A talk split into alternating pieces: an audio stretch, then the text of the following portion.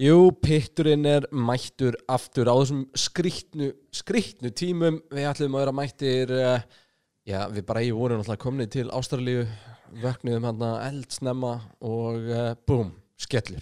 við, við vorum í röðinni bara með áhörendunum hérna alveg brjálega, reyndar voru við, eða þú veist ég var í röðinni með áhörendum, Christian Einar former F3 driver, hann náttúrulega fór hérna beint into the paddock eins og maður segir, Vippaði sig aðeins í gang. skildi bíahundin eftir í, í röðinni, Já, þetta er einhverju að taka stöðun á populum. já já, það er svolítið svo leiðis, þú náður ekki að hitta þinn mann Rækonen, það sem hann var búinn að fljúa heim, hann endis ekki Það var ákveðin skellur. Já. Hendum okkur í þetta.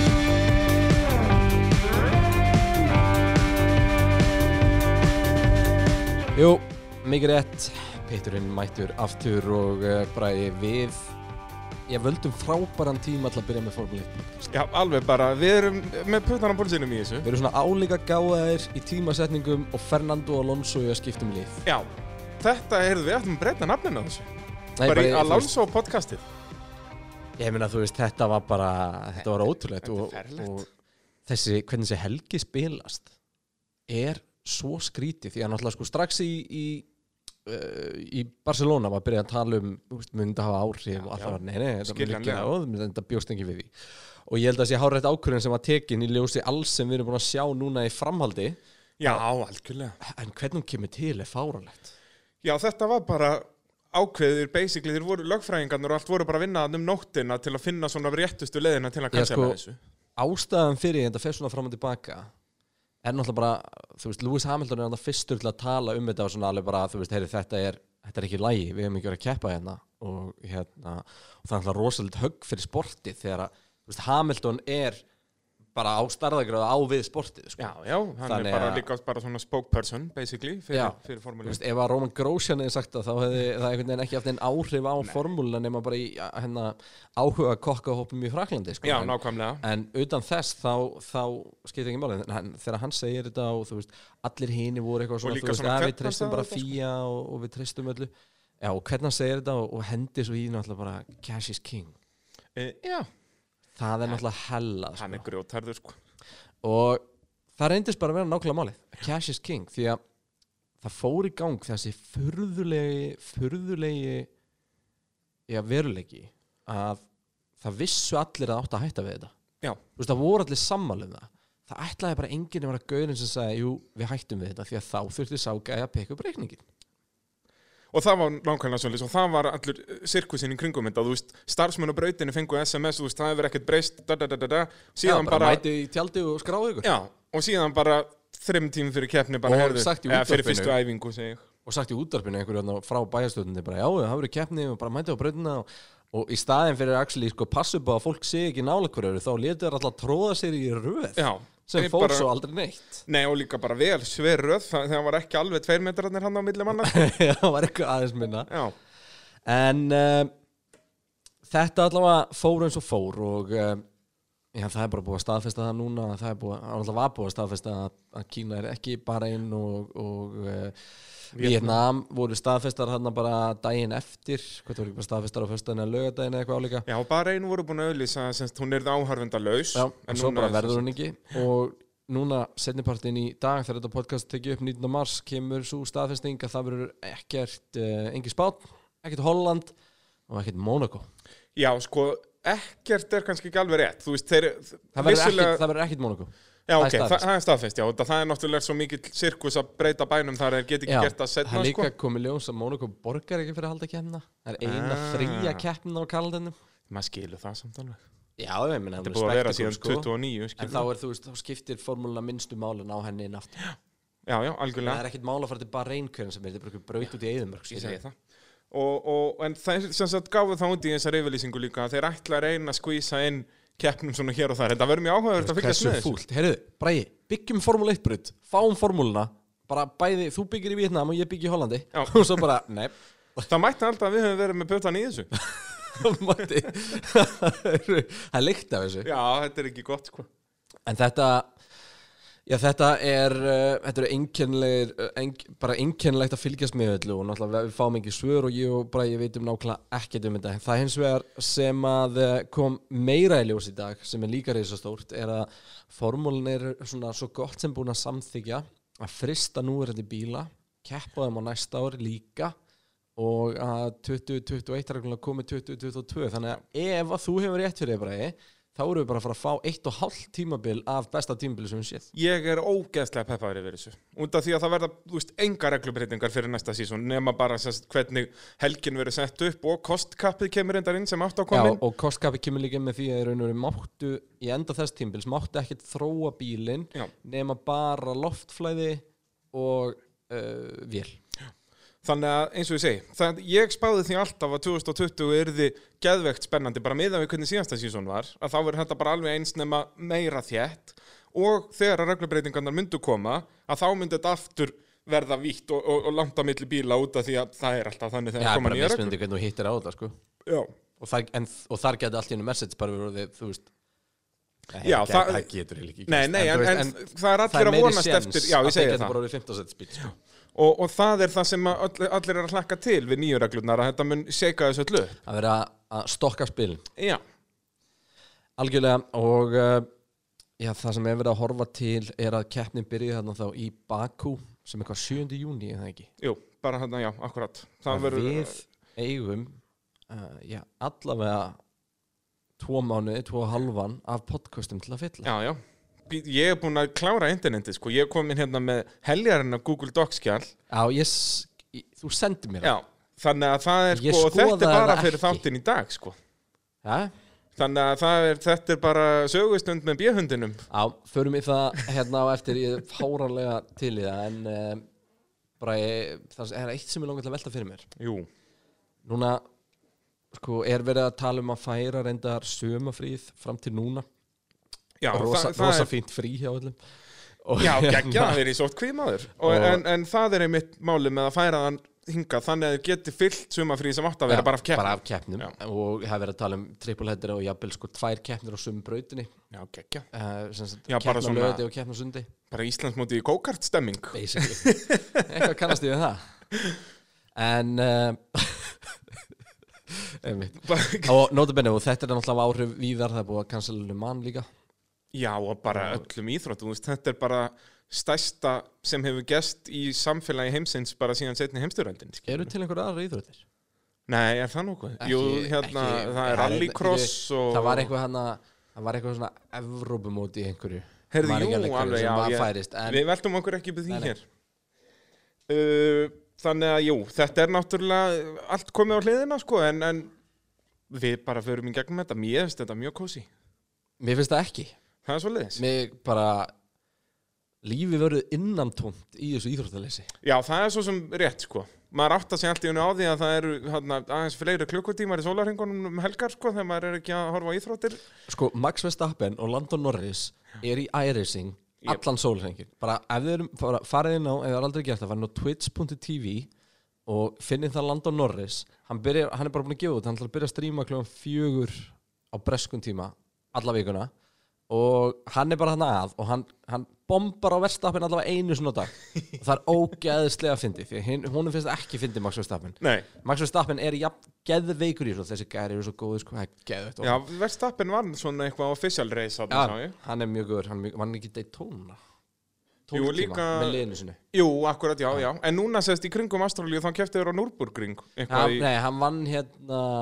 Nei, hann vann það ekki Hann vann sem sagt ok. fyrsta hítið sem var bara keppnisaukumenn Já. sem að hann var held ég eini Formule 1 aukumæðurinn sem tók þátt en það var mikið Montoya að- var hérna hérna, ja, Var þetta Juan Pablo? Já, báðir, sem sagt Juan Pablo og sonur hans ábygglega Nei, það var, það var sonur hans Barrichello sem var hann Var sonur hans það voru allan að tveir Montoya Montoya og annar var Juan Pablo Ok, Frendi Pablo ég er nefnilega hjælt það Ég heyrði það aldrei segja það en svo heyrði ég hitt Montoya nafnið sko Ég, þú veist, ég er ekki mikið í íþróttunum sko. Þú verður að taka ég verði að taka þetta á mig, ég verði að Já, taka ég segi þetta það, sko. á mig en uh, Max Verstappen resti sjöundi í úslildunum og þá var búið að blanda við simreysara sko. sko. og uh, klúraði tímatökunum þar og lendi í krassi og okkar veginn hann, eh, hann kláraði hann bara 11 eða eitthvað en hérna þannig að það er eitt sem við getum fylgst með en eitt sem langar til að ræða uh, gefum okkur núna keppnin hefðist í Bakú eins og, eins og við stiltu upp Já, jú við vorum báðir á því að Mercedes væru sterkastir að komin í fyrstu keppni þótt að ég hef nú spáð Ehm, verstafinn sigri um, hver er græða á þessu? Sko, það- mann er mér langar til að segja ferri græða þessum, þeir eru náttúrulega bara að þurfa að loka vesmiðinni. það er síðan það sko, að maður er að pæla núna, heyrðu, nú geta þeir sem voru ekkert svo góðir í pröfunum að þeir geta Kjátsu ketsa. bara auka, auka 90 daga til Já, en ég meina, hvað geta þeir gert, skilur, þú veist, þeir það eru sama ég náttúrulega var að geta ekki gera inn á prófa. sísoni. Já, ég meina, þessi simulator eru samt svo ógeðislega raunverulega, sko. Já, Og þeir geta, þeir vil það... þannig að það munar alveg um það, já, ok. Þá er það náttúrulega, sko, þeir sem að tapa á þessu, myndi ég segja að væru bleiku bensarnir okkar. Blake og Benson tapa mest af þessu öllum, Já. ég er sammála því, Ég því að held við það, áttum alltaf vona á að hinliði myndi ná þeim eftir því sem líður á tímabilið. Og núna er bara búið að færa þann punkt í byrjun á tímabilinu, Já. basically. meðan að Blake og Benson eru áttu að ná í kannski bara fjórar, fimm, sex virkilega stef, bara fjórar, fimm, sex keppnir þar sem að þeir voru bara fyrstu tveir eftir, Ég, bara, eftir ég segi það, best á það rest. og, og já, ég er samanlega þeir eru stóru lúsirarnir Og þetta gefur færið, þú veist, já, McLaren og Runo og nú geta þeir, ég held nefnilega, ég, sko McLaren eru nær Bensonum heldur en maður heldur lík en þannig ég, mig grunar bleiku bensónum erum við að tala um. Blake og Bensonum já, mig grunar að sko þeir sem græða á þessu ef að ferri komast aftur í gang græðar á þessu ef að um, hérna, og, og svo runu það eru nú liðin tvö sem ég er að horfa til á gætur stóru sigurverðnir á að fá þessa pásu sko. Og svo, já, maður veit ekki með Ferrari, það er náttúrulega er engin nei, en Þeir eru svo bara líka eitthvað í tölvunum held ég heima. að Ferrari hafi bara verið að ljúga þessu. Já, við, eins og tölum við ég í er síðasta eiginlega landi orðin bara vissari og vissari um það að ferribillin sé bara eitthvað skrimsli Þetta var líka svo bjánalegt Hvernig, þeir, gerð, þeir yktu þetta of mikið með að nei, já, bílinn er bara lélugur, þú veist Já, það, ég, eins og við tölum í síðasta þetta, sko að það getur vel verið að þessi Ferrari er bara geggjaður, sko Ég held hann blá sko. Já, áhugavert uh, Fleira svona sem ég horfði til Jú, Ég held að sé gott fyrir Bottas Ég held að Bottas haldi sætinu sinu út af þessu já, þú meinar Út af tímabili styttist Hversu fullt er að vera Nikolas Latifi? Búin að býða eftir, Já, það er eftir ákveðin ástarlífi bara síðan þú varst fimm ára og svo bara, nei, svo bara- jólin kom í júni kallið minn í Azerbaijan Hver elskar ekki góð jóli í Bakú? Well done, Baku Já, nákvæmlega Hérna, Nei, ég já, meina, þú veist. það er, þú veist, jú, jú Það er bara svipa súrt á fyrir okkur Við fáum ekki að horfa neitt Hann er bara að keira, það er ekkert gaman að því Nei, maður það er Svitnar rétt. við það Það og, er eitthvað heitt og það er eitthvað þú veist, Já, það er bara að fljúga og óþægilegt eitthvað. og, Þú veist, þessi bílar er ekki þægilegir, sko Alls ekki, sérstaklega ekki Williamson Já, nákvæmlega En náttúrulega Williams er náttúrulega uh, bara stórgræð á þessu Þeir fengu jafnmörg stig og Mercedes úr fyrstu keppni Já, og, og Ferrari eru ekki búin að klúra hann einu Já, nákvæmlega, Vettel hef ánþá eftir að snúa á tímabilinu í keppni þar að segja, en náttúrulega sjálfsög gerði það í pröfunum en, en hérna, þetta er, þetta, þetta Þeir... er Eh, Byrju, varst þú með eitthvað bíf við Vettel? Vettel, nei, ekki ég Ég elska Vettel A? Nei, við þurfum að fleja í, í trendi eða ekki, það þarf að, að hérna, hashtag Vettel er tussa A, Það þarf að fara að hendi vera þetta þarna Já, ég meina, ég er búin að taka mér þessa stöðu ég verð bara að halda áfram að grafa þessa hólu held ég Já, þetta er áhugaverð staða sem við erum að horfa á en ég held að þarna séum við svolítið að horfa á einmitt, þú veist, það er einhverju sem græða á þessu sjálfsög, einhverju sem tapa á þessu en fyrst og fremst þá vonum við náttúrulega bara að uh, hlutir fari að batna til uh, á, á, já bara komast að reyna veg í Já, heiminum. hvernig er það? Ert þú með eitthvað puttan á pulsunum í þessari kórnaveru eða? Ég veit ekki neitt Nei, Þú náttúrulega ert líka bara með spjallsíma Já, já, þú veist, ég nenn ekkert Það að nennir vera að enginn lesa að einhverja hringi. fréttir og nei, Já, Ah, þetta er blessaður vesen, vertu nú. minnst bara orða þannig Já, þetta er hans vesen, já, ok Ég mynd, uh, Bræði, uh, þegar hann ætlaði að koma að taka upp, upp þetta podcastbytinu, það er bolti, já, já, hann ætlaði að fara, henda það bara í bolta núna, góður. Já, heyrðu, sko, þetta er veistla, sko, FIFAn er ennþá opinn fyrir bumbubolta, en samt, sko, já, gerir þetta bara svona ykkar ábyrð, þannig að fótbolti, sko, ef þú ætlar að halda vera í- með tvekja metra á millandara, það er ákveðin skellur, sko. Það virkar ekkit Það er sérstaklega bara sá sem að fær boltan fyrst verður bara með það. Ah. Herðum, Bræði, þú ætlaðir, þú varst búin að stilla upp hinnum ymsu, þú, hversu ætlaði að taka mig í pod, nei, í, í, Heyrðu, í já, podquiz. Í, í podquiz, þú djöðis, orðalag maður. Wow. Vá, vá, vá, vá, já, heyrðu, ég mér langaði, sko, ég flegði bara fimm spurningum, ég þurfum vona að þú myndir flega fimm á mig, Já, þú kannski bara Eh. svona leitar að spurningum meðan ég er að spyrja þig. ok. En þetta er svona um, sko, Það er ég að fara að svara þessu hérna í, já, já, í podcastinu. en þú kannski svona, ef þú veist svarið, þá gefur þér smá tíma þannig að hlustendur getur Já. hugsað aðeins líka, sko. Og svona, hmm, En þú sagði við mig að þú veist ekkert mikið um söguna í Formule 1, sko, þannig að kannski veistu bara ekki neitt. aðeins. Nei, ég er, ég er ekkert nefnilega ekkert Sko, ég byrja að fylgjast með að viti ungur svona 90, kannski 7-8 eitthvað hannig og bara Þessi allt sem fræga gerist hakinn í fyrir það sjúkradæmi. þú veist ekki hvað það er Jú, jú, hefur heyrt um Arton Senna ég var hann ekki frá Brasi ég hef gott ef ekki sko. uh, ef við skulum henda okkur í þetta Já. fyrsta spurning, ertu tilbúin Kristján Einar? Já, ég get ekki komið vel út úr þessu nei, ég er þetta ekki uh, hver er eini ökumadurinn sem að hefur ekki tekið við heimsmeistarabikarnum þar að segja eftir að hann varð heimsmeistari vegna þess hvað upptekinn hann var við að vera dauður þar að segja eini svona postmortem það gerði sem sagt einu sinni að- að ökumadur dó á miðju tímabili en vann samt út að hann var með það mikið foskott þegar hann dó Þetta er eitthvað mjög gamalt eða ekki 1970 gerist þetta hann er ekkert mjög 70 vísbending Hvað er þetta Clark? nei, Hann er fyrr. hann er 67 eitthvað svo leiðis Vísbending, já, hvað er með það? umbósmaður þessa aukumanns er frægari en aukumaðurinn fyrir nútíma Formule 1 áhugamenn ég veit svo sem ekkert hvort að það hjálpið er eða ekki Það hefði mig ekki neitt þetta er nefnilega ekki, þú veist, frækt nafn sko ég að gefa þér þetta Já, hvað er með það? Jochen Rindt Já, hann uh, knassaði lótusbefrið sinni í uh, Parabolika beigunni á Monza já og Það er nafn sem glemist Já, en hann vann titilin Konun hans tók við byggarnum á Fía galaðinu þarna Já Og það var eiginlega fáralegt að hann skulle hafa Hann í rauninni bara fótbrotnaði Og það voru engir sem sagt, Þeir byrjuðu bara að fara með hann inn í eitthvað herbergi á Monsa Og ætlaðu að gera eitthvað við hann þar Og síðan eftir hálftíma þá heyrðu Nei, já, veistu mig ekki að Heyrðu, jú, förum með henni í þyrlu, förum með henni á spítal Þetta lítur nú ekki vel út og síðan drafst hann bara í þyrlunni Bara búin að missa mikið blóð og sýkingar og viðbjóður Svakalegt þetta er bara rugl og það var líka mjög spes að það er hérna þetta er náttúrulega þinn tími sem að vangir á bílum er tölvlega nýjir, vangirni komið fyrst þú veist, Já. 68 eitthvað svo Já. leið sem mitt á þessum Lotus 49 bíl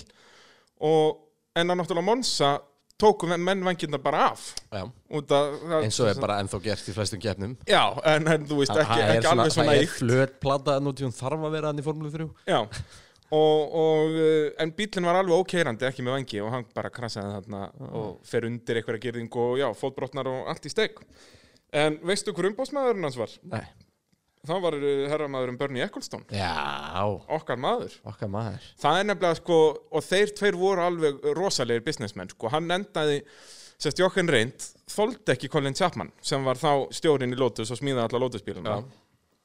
Og þeir voru báður, Ecclestone og Reynd, alltaf að segja, þú veist, já, þessi bíl er ekki nógu örugur, bla bla bla, ég munum ekki keira hann ef þú gera hann örugari og da da da da da, og Chapman sagði bara nei, s- svona er bara bílinn. Og á endanum hann mætti í einhverja keppni með peningaskilti á, eða þess að dollaramerki á hjálminum sínum, this seat is for sale bara hann vildi selja sig út úr sættinu hjá Lóndus Einar. þetta var, þeir eru náttúrulega voru rosalegi businesskallar sko. uh, spurning þá nummið þrjú út að auka spurningin var tæknilega hver var umbásmaður Jókan Rind hvaða fjórir ökumenn kerðu fyrir Williams árið 1994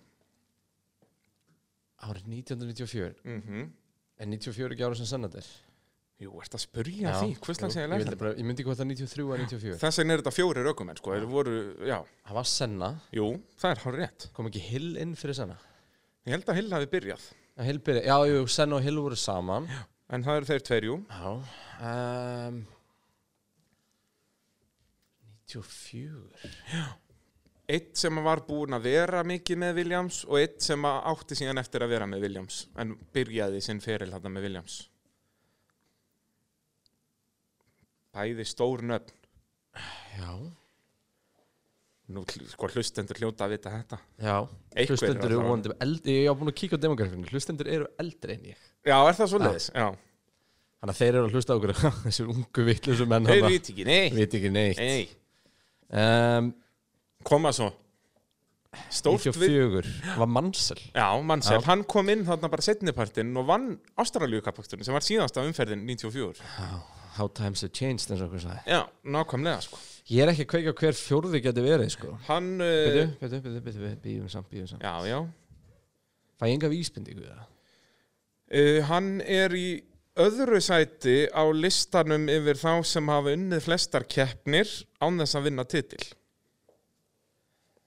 Ok, þannig að það var einhver alvöru dræfir Já, hann kefti þarna, hann, ég held að þetta var fyrsta ára hans 94 og hann keppir í mörg, mörg, mörg, mörg ár. Ég ætla ekki að gefa þér árið sem hann hættir Það, það gæti verið ofgóð vísbending án þess að vinna titil Já. flesta Hann vann keppnir keyrir í 13 mörg keppnir. ár þarna á eftir Vann 13 keppnir, vann aldrei titil Hættir árið 2007 eða 8 held ég Kefti það ný bara, já, miljón ár erum við að tala um frakka eða? Nei, frakka, hvernig það er í huga Sjónal, nei, hérna, Júa Leysi Nei, Hann hætti mikið fyrir, hann hætti bara upp úr aldarmótum held ég Það fyrir það ábyggla nei, Hættir hann ekki bara með Benetton eða eitthvað hann fór Þessi nú til gæi Prost og var- eitthvað. Já, geti verið Þetta er uh, maður sem að var þannig með Williams já og fer svo, síðan er hann bara með tveimur liðum eftir það já Já Hann er þarna í, hann vinnur tvo konstruktors titla Já. með Ferri, já, Nei með Williams Með, nei Já, vinnum samt ábygglega konstruktortitil með Williams hann fyrir, fyrir það já. Hvernig getur ekki verið að kveikja á sig, Kristján? ég veit það ekki Endaði fyrir sinn með eh, Red Bull gamli góði Gamli góði með Ah, kjálkabeinin rétt, og allt rastli rétt, rétt, rétt, rétt hann byrjaði svona snemma David De Coulthard. David Coulthard, sko hann byrjaði svona snemma Hann er í, í öðru sæti yfir, yfir flesta sigra eins og við sagði án þess að vinna titil og síðan er einn spurning hérna hver er í fyrsta sæti á þeim lista? Það er legend Ok, þú vissir, ég nefnilega held að þú veist annarkvort ég er veistu ekki þetta svona, strax ég eða- er ekki svona startagur sko. En Þessi var alveg í eldgamla daga, skilur Hann kefti í Le Mans keppninni sem að Benz hérna, kveikti í 80 manns Þú veist, 55 já, það þekki ég ekki Sterling Moss Já, st- jú, ég hef ég horfði á þáttir um Stirling Moss um það hvernig einmitt hann væri Be sem að Besti hérna- lúserinn Já. Já. Það var mjög áhört, það var flottu gaur Já, hann bara geggjaður, sko Hann náttúrulega var líka svo mikill fréttamaður eftir þetta Hann var Einmitt. alltaf svona, sem sagt, bara andlit formule 1, sko Það er þetta var skemmtilegt, ég ætla að henda einn á því þá Já, ó, ok, ég á líka einn eftir, sko Nú, ég á eina Já, eftir, nei, eina býttu- eftir. nei, Nei, hendi einn á mig Nei, klárum bara All right Hvaða sex framleiðendur hafa unnið fjóra eða fleiri titla? uh, Ferrari, Ferrari, uh, Williams, Williams, uh, Mercedes, Mercedes, uh, McLaren McLaren Hvað sér, sex Já Ég ætla ekki að skoða Lotus í handinni líka Rétt og Þú var bara eftir það sem er akkurat með fjóra það er í fortíð, það ekki Neip Það er í nútíð, Jöp það er á Runo Nei, Nei. það er ekki Runo Þetta Já. er mjög augljóst Já Já, hérna Fattarinn að koma Já, Ah, það var- það er eitt þýskur sem vann hann að nokkur Já. var röð, einmitt Hann Það er eh, er, Red Bull Rétt Hashtag vetteli tussa Já. Það er uh, sem sagt Ferrari með 16 titla Williams með 9 McLaren 8 Lotus 7 Mercedes 6 Red Bull 4 og þetta sko Mercedes þegar runnu titlan í eldgamla daga þá var Constructor Championship ekki byrjað Já. það byrjar ekki fyrir 58 Já, já. Þannig að þeir, það vantar kannski svona tvo titla þar upp á. En þú veist, ætlaðu þú að henda einn á mig eða? Já Þú feilaði raparlega. A- Hvað Ah, nei, náður? Þú náður basically bara einni spurningu. Já Án þess að fá major hjálp. e, Já Þetta, var, þetta er bara á par við Le Manslýsið 55, finnst mér, þessi, þessi árangur þinn í þessari spurningakefni. Ok um, Segðu þú mér Mm. Hver er eini Formule 1 ögumæðurinn sem hefur bæði orðið heimsmeistari í Formule 1 Mm og á mótihjól Er það, það er gamall, er það ekki? Já. Ítalið það ekki, hann var með ferrar... Nei, ekki. Ítali, Veit ég hver þetta er? það með Ferrari Veit ég nafnið á honum? Nei. vita mikið um fortíðina þá lítur að vita þetta Og hvað, hann er ekki ítali, segir Nei, þetta er Tjalli Er þetta veð? Er, er þetta, þetta er ekki John Surtees? Jú. Þetta er John Surtees. John Surtees var nefnilega heimsmeistari á mótihjólum Það er og svoleiðis. í Formule 1 Hverju, jú, mér minnir að ég hef heyrt þetta eitthvað tíma. Já, ég held ég að sagt þér þetta einhvern Já, það getur Ég við. var að, ég var að kera með sinns Já, Maður lest það er rétt, já. á hrigalega nátt á brandsats í Formule 2 Alveg rétt, já. En hérna, ég man að þá var kallinn eitthvað að detti áttrætt, sko já hann er ennþá lifandi. Nei, hann Nú. dó núna bara fyrir tveimur árum John Surti, sem sagt, fyrir það sem ekki vita var sem sagt, breskur meistara með Ferrari það eru nú ekki Já. margir svoleiðis og, hérna, og ferðin er svo ekki rauður í þokkabönd já, hann er eini til að vera meistari á, á hvað var hann ekki, hvítur og blár Ferrari alveg ferlegt en uh, ég veit það að rétt fyrir áttrætt var kallin ennþá að kera spa á mótjólum já, það er svoleiðis, grjótarður geggjaður sko. þetta er legend í bransanum það var svo gaman sko afi náttúrulega var alltaf með mér í þessu öllu saman sko mm. og einn daginn löpum við inn í, inn í matsal sko og það er fyrst skil sem ég er að æfa með með hérna Henry Sinnars já, og John Surtees var sem sagt plaggandi upp á vegg hjá afa litlum á Akureyri sko. þannig að Ah. þetta var svo mikið moment sko. Ha- þá vorum við loksins verðan að gera eitthvað fullorins þegar að gamli hitti John Surtees og Ó, breytir já. sko. á magnað Ah, John Surtis er líka svona nafn sem að sem sagt, gleymist sko Já, algjörlega, hann er algjörlega. hann var eins og þar uh, aðlaður, hann var rétt ánandu fekk sörið svona já, og hérna en frábær, frábær náðing og sonur hans var algjörlega topp top drengur Topp Eða drengur. reyndar. og, og- en við vonumst nú eftir að að betri árangur frá þér í næsta, næsta podquizi Já, þetta en gengur nú, ekki sko. núna veistu líka svona kannski aðeins meira um það svona hvað tímbili ég raunverulega hef já, fyrst með ég ætla bara að vinna með svona 97 og upp úr næsta Já, líf kannski, bara, kannski þú veist, hver er Ég er rosalega sterkur í 2018 já, það er svo leiðis, Já. jafnvel 90 líka Já. já, ólsegur Ólsegur Það er býtu, ég fer bara að finna eitthvað stött um það bara núna.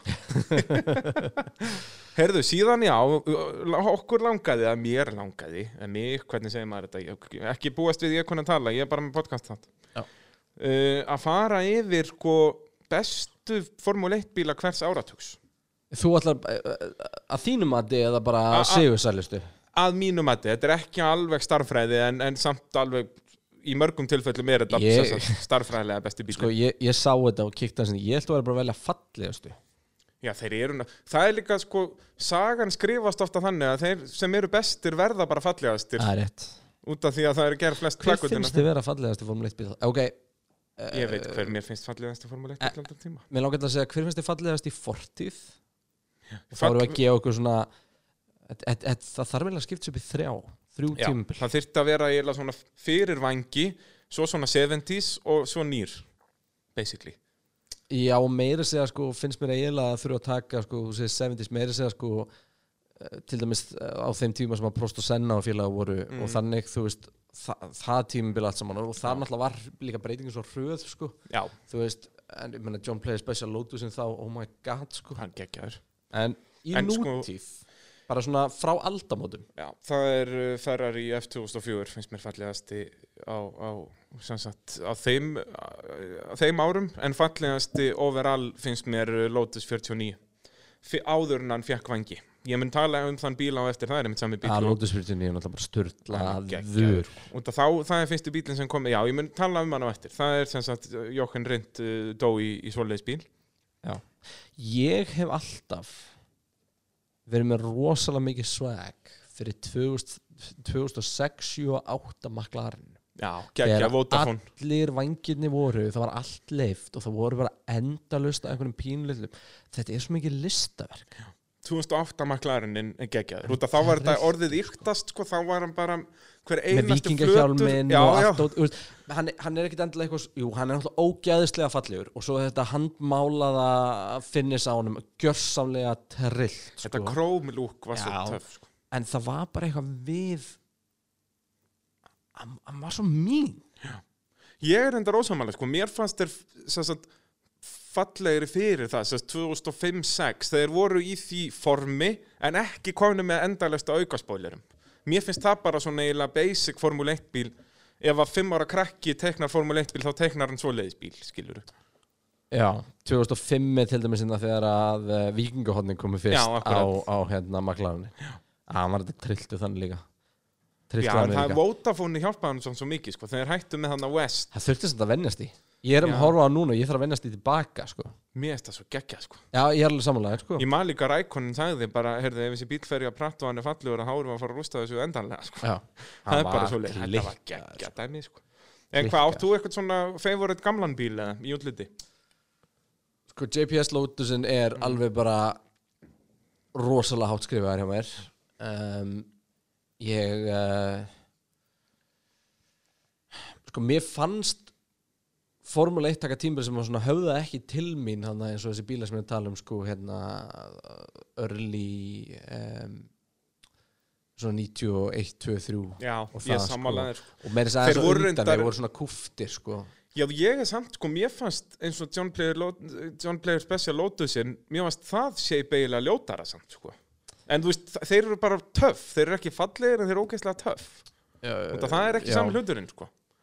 Já, En- þú ert samt tala með hann sem er sko hára ofan Nei, nei, ég er að tala um þeir eru orðnir eiginlega bara svona kassalaga og samt lágir, skilur. Þú veist, um McLaren MP44 og þeir allir, skilur. En, en síðan Þetta voru þeir náttúrulega allar að ljótastir, ég held að þessi 97 tímabilið. Þegar þeir voru að koma eitthvað nýja reglur og þeir þurfti að hækka kokpittin, þannig þeir voru allir með svona einhverja hliðar, þú veist, eins og Ferraríin frá 97 er eitthvað allara ljótasta aukvöldæki sem framleitt hefur verið. það er bara svona leys. en þetta svo var þetta svo hræðilegt þegar að hérna eh, þegar að uh, þrepið í, í 2014. nefinu kom og þeir þrengdu vangina hann þetta er Allir voru alveg með dild og framar eða keithra minn maður Æjæjæjæjæ, Jesus, og það Toro sko, er- Rossoinn og þeir, þeir voru bara ándjóks sko, með lin Toro, Toro Rosso en slapp einhvern veginn út af liveríun sko. Mm. en keithra minn var ógeðslegur Já, þa- hann var bara með lim framar á sér svo datt ég inn á núna um daginn hérna eh, sem sagt þegar að hvaða ára er það sem að grósjan er hjá Lotus 2012, 13, svo leys sá Lotus var ógeðslega cool já Svartur gullidagur með pínu rauðu Já, Það voru hérna, með Total Jenny, hérna. Nei, bara, Jenny, bara, Já, og, og Total bara Total, náttúrulega það já. voru með runn og vélar hann var ógeðslega flottu bíl já. Ég samanlegaður, hann var geggjaður Og þú veist, eins og mér fannst líka Caterham lúkið töff Þú veist, bara vest með hvað bílarnir sjálf voru ljótir og hægir og ókíslegir En þú veist, þetta British Racing Green, þú veist, þessin er Að ég mjög fíla. peppaður fyrir Aston, Aston Martin það er það er í hættu Er það svoleiðis? Út af koronavillensum eða? það er í hættu En hvað kemur hann þá ekki bara 2022? nei, það er bara í hættu samningurinn Af hverju? ég veit það ekki ég á eftir að lesa það ég er bara Það hann er- búin að fá skilabóðum þetta Þú náttúrulega ert í einsta hringarna, það Ég er bara, bara- það er sendir SMS bara, heyrðu, svona er þetta. ég fekk bara SMS aðan frá PS stendur fyrir pappastról Já, og hérna bara hey Chris, just want to let you know for the pit tonight Yes. that we are not sure about the Aston Martin deal ok, will- thanks for that information, uh, Papa Stroll, and uh, thanks for listening, of course. Uh, já, þannig að það er skellur, ég var orðin peppaður. Þetta, við Þetta megum þetta er ekki ekki off, peppast. þetta Já, er ekki off, en þetta er þetta það verður slúður off. Ég var gett peppað fyrir Ástralíu, hvað gerist? Ég var peppað... Mm. Finnst þetta ekki gaman? Nei, ég meina það er bara staðalegur núna Þetta er agalegt, Hva, það sem maður á að þurfa að þóla hérna. Herru, segðu mig frá okkur um Á ég segja frá bílum. Sko, fyrsti áratugurinn í Formule 1, 50-59, það veit ekki margir um, um hvað var að frétta þarna. Alfa Romeo 8C, sérst 1950 árgerinn, þeir kölluðu í alla bíluna sína bara 8C Já, og þetta er bíl sem sagt sem kefti fyrsta sísonið, vann fyrstu keppnin á Silveston og sem sagt uh, vann allar keppnir sem hann mætti í á þessu ári, það voru sex í Formule 1 og fimm sem sagt einhver, einhver önnur þú veist ábygglega Millemilia og, og kannski Indy 500 og eitthvað svoleiðis, ég bara er ekki alveg með það á hreinu vann sem sagt 11 keppnir og já óstöðvandi apparat og líka á tíma sko þar sem bílarnir biluðu, þú veist það var bara 50-50 hvort menn kláruðu að þá er það ansi vel gert að- að að ná 100% vinningsrekordi sko. Já. á, að þetta eina ár svo kom ég er hérna Ferrari Tipo 500 eða bara Type 500 og ekki Tybo 500 jú, þú Er veist ekki það- stafsningu öllan Nei, þetta er ekki stafsendingavill sko, en þetta er eitthvað sérstaklega ítalið fallegur Nei, hann er, þú veist, með vélina fram í og, og samt orðin svona, hann er ekki með þetta klassiska svona flugvélalúk þeir eru byrjaðar að hafa hann eitthvað svona egglaga ef maður horfir framan á hann Já, og þú veist, og ökkumæðurinn situr ókvæslega hátt þú veist, það er náttúrulega ofan á driftskaftinu þetta er ekkert spes að horfa á þetta, sko en náttúrulega töff uh, og Ferrari er náttúrulega eina liði sem að, uh, keft, hefur keft öll tímabil í Formule 1 en mættu hann sjálfsögum ekki í fyrstu keppnum út að þá var ennþá einhver pólitik í gangi með uh, start money og, og hérna, allt í peningavisen eitthvað og það er svolítið ítalst svona uh, eins og við sjáum bara núna með vélarnar hefðum að þeir verða alltaf, það verður alltaf að vera pínu vesen í kringu það Uh, og Alberto Ascari, hann var ósegrandi þarna 52 og 53 á þessum Type 500 bíl og vann 14 af þeim 15 keppnum sem hann mætti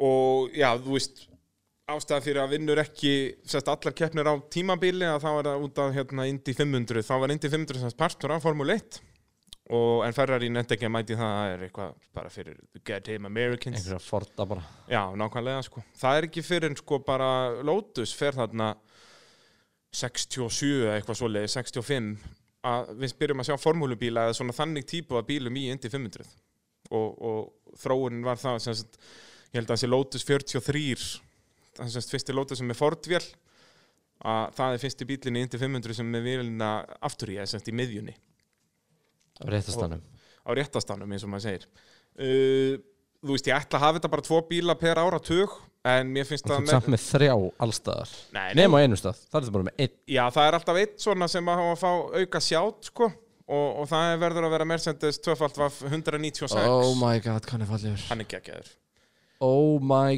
god, það Og er eitt hann var- fallegasti bíl alltaf tíma já. og hann var líka bara svona hann mætti og vann allt þeir uh, hérna spáði líka bara, þú veist, einmitt Fangio og Sterling Moss já, og Mars Mercedes 196 bara bing wow, Líka- ef ég ætti tíma vel þá er ég til í að fara þarna yep. En- Nörbjörgring, þarna já ekki fara á Le Mans út af ef þú stendur- þá þá kviknar yfir og þú fær- þú Ætla knúsar Mercedes ekki, ekki alveg maður hans, það er Nei. rétt en, Já, allavega að standa þá í réttum stað bara á, á Le Mans uh, En það náttúrulega gerist þarna 55 að sérst, þeir kom með hennan bíl eða var það 50, já, 54 sem kom með hann um mitt tímabil og Fantio fer yfir til Mercedes um mitt tímabil frá Maserati bara svona, já, geggja mjög frá Mercedes sem fann Fantio út og þá var hann þarna orðin þrefaldumistari hann trilltur Jú, og Fantio og Sterling Moss náttúrulega, já, bara geggjað aukumannspar, sko. Og þeir verða meistarar hérna, en svo náttúrulega hætta eru mitt tímabil 55 eftir þetta hrikalega slesan álega manns. Manstu, hvað, það dóu hvað 80 manns eða eitthvað, þetta og var þetta er hrikalegt. rosalegt og það er bara svona eitt af fyrstu kappastusvídjónu sem er til bara líka Já. við sko Þetta þetta er rosalegt sko Það var gerð hérna svona animated stuttmyndum þetta, sem ég sá. Ég hvet fólk til að leita því á YouTube. Hún er á YouTube, held ég. þetta er, þetta er svakalegt Þetta er og þarna eftir þetta áttu náttúrulega bara að banna kappastur í heiminum sko. Já, já, en það var þetta Já, ógæslegt út að fólk var bara að brenna þarna í marga, marga klukkutíma Já. og þú veist, allir áhörnendur voru ekkert neða á hreinu hvað gerðist, ég meina kappakstun held bara áfram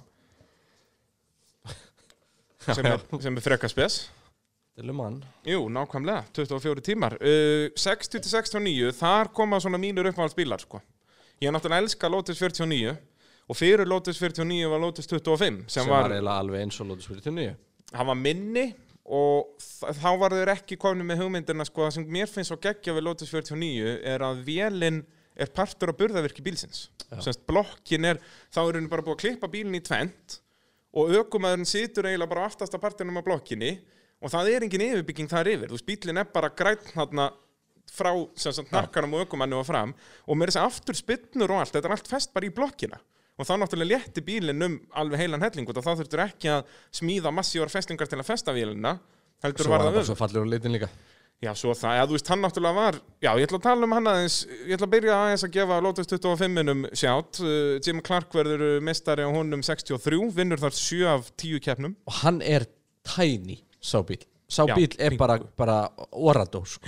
Og það er líka, sko, menn voru alltaf að tala um með McLaren M4, MP44 sem við mun tala um hér á eftir að Alan Prost og Arton Senna voru eiginlega alveg liggjandi í þeim bíl það var ekki neitt með einhvern Jim Clark var í þessum Lotus 25 hann var líkjandi hann var basically liggjandi það var engin halli af sendunum, hann bara lá í þessum töp sem þessi bíl var eða bara, já svona lítið baðkar og já, náttúrulega krassstrúktúr og svoleiðis var ekki til, það voru basically bara lappinnar á aukumenninu sem já var þú ertu bara krassstrúktúr. nóg góð til að krasa ekki Já, sem að Jim Clark, Jim Clark var náttúrulega indislur okkur maður, einn af mínum uppáhalds, út að hann var svona, hann var ekkert í því hann krassa, sko.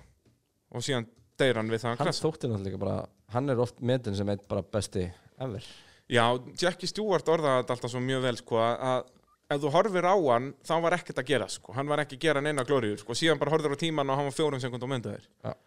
Hann var bara, og þess vegna náttúrulega passi hann svo vel á, inn í þennan tíma í formúlinni, þar sem að, já, minnstu mistök að þú væri dauður eða eitthvað mikið vera veit svo sem ekki hvað er mikið vera en að vera dauður jú, drepa kannski nokkra áhörendur líka og, og þess vegna var hann svona geggjaður á þessum árum sko. og þessi bíl, Lotus 25 hann verður meistari 63 og 65 og svo kemur árið 67 Lotus 49 minn uppáhalds formúlubíl ever uh, Jim Clark vinnur strax fyrstu keppnin á bílnum hann 67 og þannig eru þeir komni með Ford-vélina voru með einhverjar Cosworth-vélar held ég fyrir það uh, og það var algjörst powerhouse en virkaði mjög lítið þetta fyrsta tímabil en uh, síðan eftir það byrja bílinn að já, virka mjög vel var svo sem sko á pappýrum ekkert eitthvað langbesti bílinn ever bara, þú veist, já virkaði kannski ekki alveg og var fyrir eitthvað tutsi og eitthvað svona að keira hann en uh, eitt svona mikilvægasti bílinn í formúlinu út af því að hann það eru tvö mjög, mjög stór skref sem eru tekin akkurat með þennan bíl að, að þetta er fyrsti bílinn sem er settur á vangir það er hann hvað, 68 eitthvað svo leiðis og, og þá voru vangirni bara boltaðir beint á fjöðrunina ég veit ekki af hverju voru ekki bolta, boltaðir á boddíð ég er ekki búin að pæli því hvort að Þú ert loftfræði sérfræðingur Já, það er enda rétt sko, ég, hann að geggja hann spoiler á hann begg okkar Já.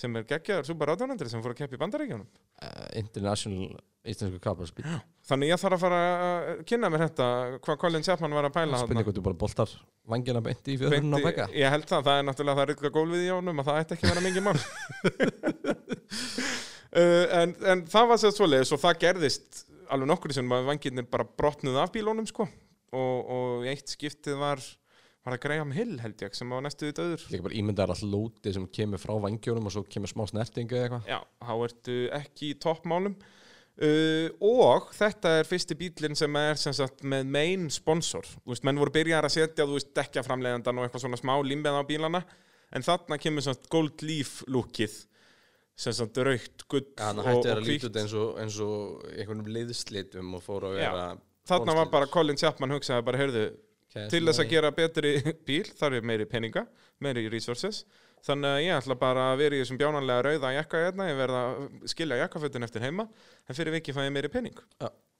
og þetta er náttúrulega, og í dag er allir bílar með vengi og allir bílar uh, með main sponsora Einmitt. það er nema þú veist eins og Mercedes, þeir halda sér nú Já, í, í Mercedes, við silfurlitin ætlum ekki um og að glemma að Ferrari Mercedes er aðal sponsor Mercedes lýsins já, já, Ferrari sem er leiðis með Ferrari og þetta er sérst bílinn, já, Jökun Rind degir þarna 70 á, á Monsa einmitt eftir á, og það er nefnilega árið 70 þá voru vangirnir orðnir miklu, þá er þetta orðið sko Lotus 49B eða eitthvað svoleiðis eitthvað Evolution og þá er þetta ekki orðið jafn bjánalegt að vangirnir eru bara festir á spinnunar og eitthvað, heldur er yfirbyggingin orðin miklu flottari og og orðið líkara bílunum í dag þannig að- að að það að taka vangin af þarna var alveg frekar skrítið sko og enda já, enda það ekki vel og liðsfélagi í okkar reynda á þessum tíma sagði bara það bílinn var ókerandi sko þú bara, en hann var náttúrulega hraðari en já, þú gast ekki tekið beigur á honum uh, þá eru komin í 70-79 Ert þú eitthvað farin að, að hérna, kannast um bílana þar?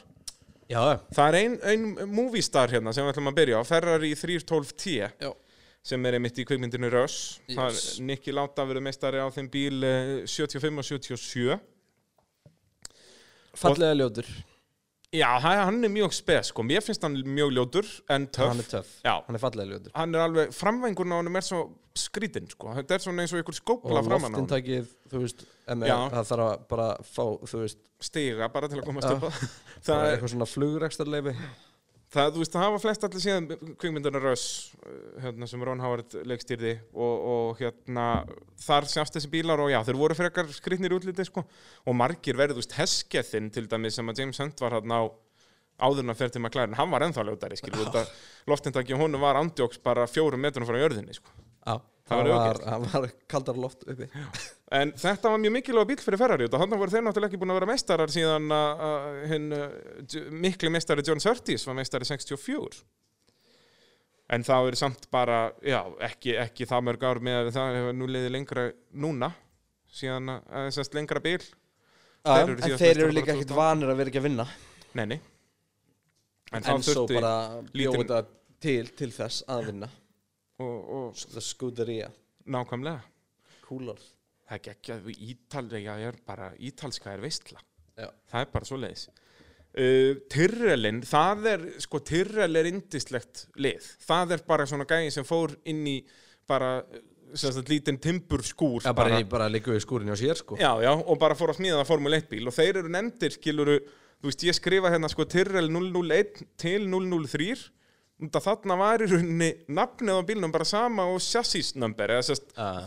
bara vörunúmerið á bílnum út af- Bjóst ekkert við að myndi spi- smíða meira en einn Nei, upphaflega. nei, hann bara svona smíðaði einn og heyrðu, já, hann er búin að ganga heilt tímbil ætti ég kannski að smíða annan fyrir næsta Já, heyrðu, þá ætlaði ég að gera hann svona En aðeins þau breiðari nota og gamla svona. líka. Já, já, og þetta var líka þannig að sem sagt, Jackie Stewart var hann að meistari, hvað, 71 og 72 Liðsfélag hans, François Weir hann var alltaf ein, einn ár gerð eldri undan því að það var bara fyrsta árið var bara Stewart á honum síðan næsta ár, heyrðu, nú hefum við tvo bíla ef við ekki að fá okkur annan til að Ah. gera gamla þetta er bara Og og líka að þetta hafi virkað, sko, mér finnst það svo geggja, það er náttúrulega frábært Þetta var bara þessi saga. Allt, allt öðru sér tími Já, algjörlega, en ég meina samt, þannig eru samt alveg stóru liðin orðin helviti pró Já, algjörlega og að, þe- að Tyrrell hafi náð að vera þarna meistari, Og taldur stórtlið, þá er næsti bíl á listanum hjá þér ansi merkilegur. það er geggjað apparat. Áður en við förum í hann, einunni spurning, veistu hvaða lið, ef maður rekur söguna, hvaða lið í dag er gamla Tyrrell?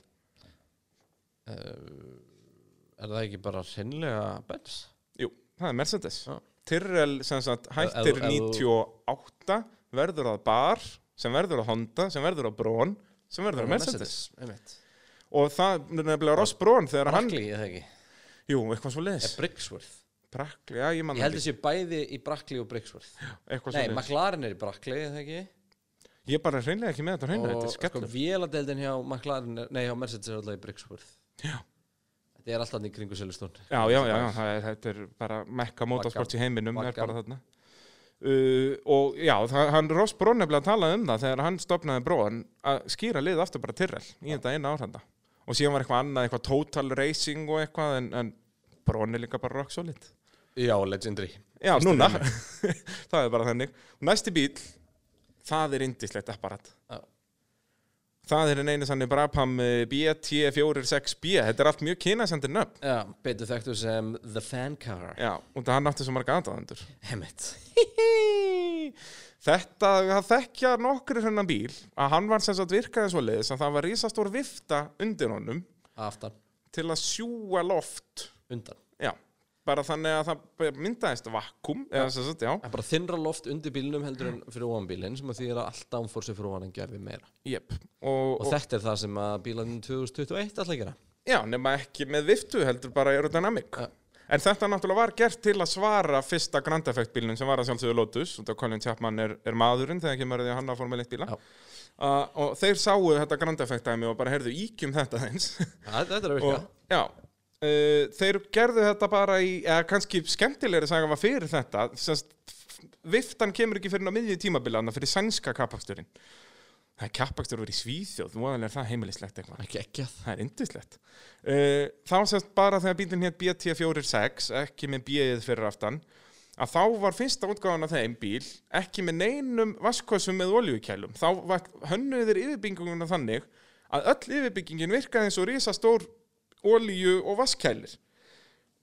Ótrúleitt en samt virkaði það ekki neitt. Bílinn, það, sem sagt, það, kom, það kom einhver svona hönnuður að naðum og sagði að, að sko bílinn þyrfti að vera 70% stærri til að, að það væri nógu stór flötur til að ná að kæla allt. Já. Þannig eftir að hafa brætt úr nokkrum vélum hann að hugsa þér, heyrðu, nei, þetta er ekki, en þú veist, ég, Setjum vaskasa. já, ég kann að veta þessa hugsun samt, sko, að- að létta sig um nokkra vaskasa og olíukjala með því að hafa alla yfirbygginguna. En, eh, Það er verra þegar nú er hann 6 metra á lengt. Já, og 40 á breytt Já. það, hérna, það er svolítið svo leiðis Svo þarna fyrir sænska kappaksturinn komaðir með viftun aftan á honum Þeir að sjálfsögðu lugu því að öllum að þetta væri bara til að kæla vélina og bremsur og eitthvað Þetta hefur ekkert með aerodynamika að gera Einmitt. Svo mætti Nikki láta það þarna, rústar tímatökunum og rústar keppninni og svo sáum við bílinn aldrei aftur Og það áhugaverða við það að við sáum aldrei bílinn aftur er það að þessi bíl var ekki ólöflegur Það er uh, sem sagt, uh, þeir voru búin að ræða við Fía og Fía bara heyrði já, þetta er bara lúpól sem við fundum hérna, allt í toppmálum. En, hinn einu senni Bernie Ecclestone, þarna var, Það uh, er eina heiðarlega mómentið á hans ferli. sennilega, sennilega, þarna er hann sem sagt uh, búin að missa aukumennin sinn, hann er hættur að vera umbóðsmaður aukumanna þarna og er komið með sitt eigið lið og það er Brabham, hann kefti liðið af, af Brabham aukumanninum og uh, en hann er líka búinn að stopna F1 Constructors Association eða FOCA og honum fannst svona iffi á að hann væri með hennan bíl sem væri hann á mjög gráu svæði og væri að rústa þessu á sama tíma og hann var að reyna að ná öllum liðunum saman í þetta samband svona s- til að, að, að liðin ættu formúluna þannig að hann hugsaði, heyrðu við skröppum þetta, við, við hættum við þetta sem að eins og þú segir En talandu um þetta, næsti listi sem ég ætla að fá að gera Já, er uh, svindl ú bara Fernando Alonso listin Já það, eh, Ég myndi þetta ekki skrifa Fernando Alonso, ég myndi skrifa það á Flavio Briatore listan Já, en ég meina síðan var Alonso aftur að vesja næst í svindli 2007 Allavega, Þetta það er, er þetta er skemmtilegast góð pæling já. og sko skemmtilegast við hennar lista er sko liðin sem að svindluðu löglega líka Já, já, það er, lang, það er Það bestu er svo svindli áhugavert sko. bara eins og DAS-kerfið er núna Við erum bara frábærið einhvern í dagskrá plönun hérna það Já, er já, það ég mikið um meina- að vera hjá okkur í Þegar það er þættinum. engin formúlu, já, f- formúla að tala um, þá verðum við að finna okkur eitthvað að tala um Svona alltaf mega hlustendur að sjálfsögðu senda á okkur pælingar um svona lað og eins og ég heyri þá getur bræði fundið hvað sem er eða rækt um hvað sem er að meðan að ég fæ eina spurningu með aðstóð í podquizinu. Nákvæmlega, allt í toppmálum 80 til 89 Það er áratugurinn alltaf bara einn. Þar er bara einn bíl Já. Það er McLaren MP44 sem að er The myth, besti the legend. kappakstusbíl allra tíma Puntur, ef að þið vitið um eitthvað kappakstusbíl sem var betri en þessi endilega látið okkur vita Já, Mercedesin 2016. Nei, Jú. nei Jú. e, Ég förum bara í kefni, ég skal vera honum og þú verður MP44. Já, ég er til í það Það er reynda mjög góðu dagur. Það er hérna, þú, þú er þetta því Ég get lofa þér að ég mun rústa þér á MP44 Nei. Nei, ok, það er ekki rétt En ef maður horfir á, á starffræði Hann var ótrúlega afreg Já, og ótrúlega bíl og ekki skemmdi aukumennir sem að kera heldur nei en Það er líka annar listi sem við þurfum að flega í bestu sem sagt aukumenn til að vera saman í liði Það er náttúrulega Alan Prost og, og, og Artan Senna mjög ofalega á lista Senna á hotla á Suzuka og MP44 það er það er bara klám Þetta er bara the holy grail of motorsport myndi ég að segja Svona á, Sturl. bara í fullri alvöru, þetta er rugglað sko. Bara YouTubeið þetta núna hlustandi góðir þetta er klikka sko. Stoppið þáttu núna og skottið símanum upp á vasanum ykkar, farðin á YouTube og finnið Suzuka Hotlap 1988 Artan Senna. sko. bara ég ætla mér sem að búin að setja á Facebook síðan okkar þannig að þú þurfum ekki að leita þig Æ, Mikið er ég góður við ykkur hlustendur Þetta er góður. frábært. Þetta er alveg, ó, ég, ég elska hvað ég er hugulugur. Uh, en talandi um Mercedesin sem að þú heldur að sé betri og þú veist, jú, kannski var betri. nei ég veit ekki, nei nei, ég, ég hugsa að MP44 sé því fónuleik bíl Já, sko, út að líka ef maður horfir á hversu marga ringi hann var í fórust og svoleiðis, hann vinnur öll þessi stödd. Mercedesin vann 19 af 21 keppni, Já. sem er náttúrulega rosalegt hann 2016, sem er 90,5% keppnina sem hann keppti já í. líka það var 21 keppni það árið sko Já, þá voru bara 16 þarna þegar MP44 var að keppa, en þeir vinna 15 þeirra, og keppni- og hvað, 93,8%. 16. keppni var það þegar kera hvernig annan eða? Var það þetta ár? Var það, jöp, nei, hann var 89 held ég. já, en hvað hva gerist þá? Af hverju Það er unnu góð þeir ekki? spurning Googlaði þetta meðan ég held áfram að blara En þeir sérst vinna þarna 93,8% eh, keppna sem er uh, mæta í eru eh, sérst að, uh, já, vinna 15 keppnir eru 15 sinnum á ráspól og svona ef maður fer í nördaskapin með hennan bíl að að það náttúrulega vélin í honum er það sem gerðan styrlaðan. Þeir voru með Honda Vaf 6 turbovélina og þetta er á því ári sem að það er verið að breyta reglorum það er sérst árið eftir átti að banna turbo og á þessu ári voru reglurnar svona hlindari þeim bílum sem voru ekki turbo þannig að það var þannig gert að þeir, þeir sem voru normally aspirated ekki með turbo að eh, þeir fengu að hafa einn stóran bensintanku hægt er þannig að þeir gætu nota miklu meira bensin og þannig verið með meira afl en þessi Honda turbovél var bara það góð að það skipti ekki máli þó að þeir enda lendu mjög oft í því í lok kappakstra að vera bara eiginlega alveg bensinlausir og þurftu bara að dóla í mark en þá voru þeir yfirleitt með þrjár mínútur í fórskot þannig að það skipti ekki máli og þessi Honda vel var 25, mi- 28 mm lægri sérst sveifarásin á henni Prost lendir í vélabilun Já. á Monsa og uh, sem sagt uh, og hvað gerir senna? bara ekki neitt hann var að hringa bíl og uh, til enn Já, alveg rétt Hann hérna, ó, hver var það aftur? Ég man eftir þessu vídeo, hann var sneldu vitlu að senna uh, hann lendi á aftan á eh, uh, Einhverjum var í- Schlesser sem að var sem sagt að uh, Sean-Louis Schlesser sem að, eða Schlesser eða eitthvað líka, sem að var sem sagt standinn hjá Williams út af því að uh, að Ég var eh, stressaður Nigel yfir Mansell var með chickenpox hvað er chickenpox á því? sko? Chickenpox, er það ekki bara hlaupabóla Jú, eða eitthvað eða anskot? ekki Var Nigel Mansell með hlaupabóla?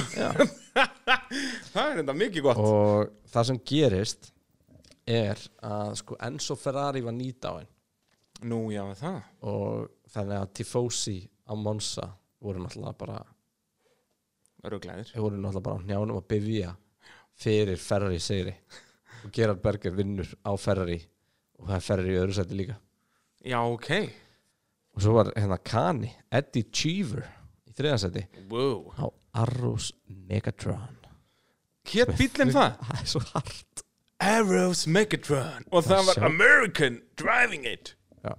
Það er enda Megatron var sem sagt vélinn Já, nei, nei, það er vélmenni í Transformers Jú, líka það líka það En sem sagt, já, Honda-vélinn ef- Svo við setjum aftur á okkur Þetta bjánaglirugun september 1988 Það er ekkert annað 1900, já, já, þetta var það sent, já uh, Þessi vél, já sem stveifar á sinni henni var lægri heldur en í vélinni fyrr þannig að það sem var svona aðal trikkið í þessum bíl er að girkassin var ekki bara með tvo öxla í gegnum sig eins og vinnilegu girkassi og eins og girkassa voru líka þannig í Formule 1 bílum heldur settu þér þrjá þannig að gætur henni í staðin fyrir að hafa alla, alla öxla á bjánalugum svona anguls eða þannig að þeir væri allir hallandi vittlaust þar settu þau bara þrjá öxla þannig að þetta gæti allt verið línulegt og til að lækka þingdabundin þannig að vélinn geti verið eins neðarlega og hægt er og það er það sem gerði hennan bíl svona úber, úber, úber góðan og það Láttu bara náttúrulega líka komið vélinni neður en allar- neðar en allar aðra og þingdapunktunni þá niður með, Í með takt þessum við girkassa. síðan að allt annað var gæðið eftir hennar bíl Já, þetta er bara og turbínan og þú veist, þetta var, var, þannig eru þeir ennþá manuali það ekki, þeir eru bara með vinstra hönd á stýri og síðan bara skipt um gýra,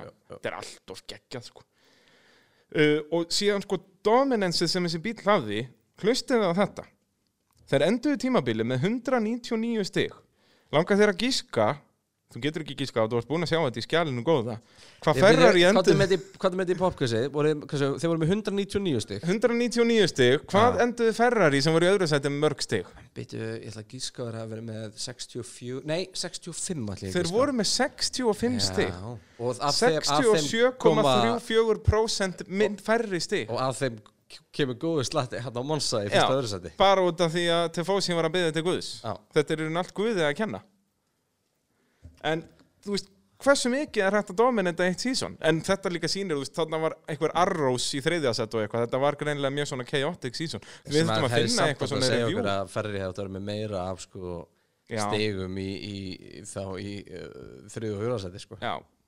en þetta er alveg magna sko. og þetta er sem sagt stærsta Þarna vinning reyndar er margin náttúrulega gamla, þú férst bara stig, bara sex fremstu fengur stig nýju fyrir fyrsta sendi Nei, voru ekki tíu, 9, 6, 4, eitthvað svona leins voru ekki tíu, sex, fjögur, þrjú, tvö, eitt Nip Það held ég ekki, Eða er það ennþá eldra? Kannski er það ennþá eldra, kannski var komið 10 hann 80 eitthvað, þú getur googlað það Ég líka ætla að mann ekki til neynur en tíu, en það byrjaði ég bara að fylgjast með 90 eitthvað Já, þannig að það voru nýju Geti verið Ég held það uh, Þannig að já, MP44 besti kapastusbíl allra tíma Það er bara svo leiðis Það veist uh, Þá erum við komin í Kristjáns territory Það er rétt Það var svona sendir hlutin að þessu Já, Og sko, hérna ertu náttúrulega með uh, Williamson já sem var sem sagt uh, hérna 90-99 erum við með Williams F2 var 15 sé annað mjög kynasandi nafn Og þá var náttúrulega Adrian Newey Hann Já, stíða sem sko, fyrstu skrif hversu gott design team Patrick Head og Adrian Newey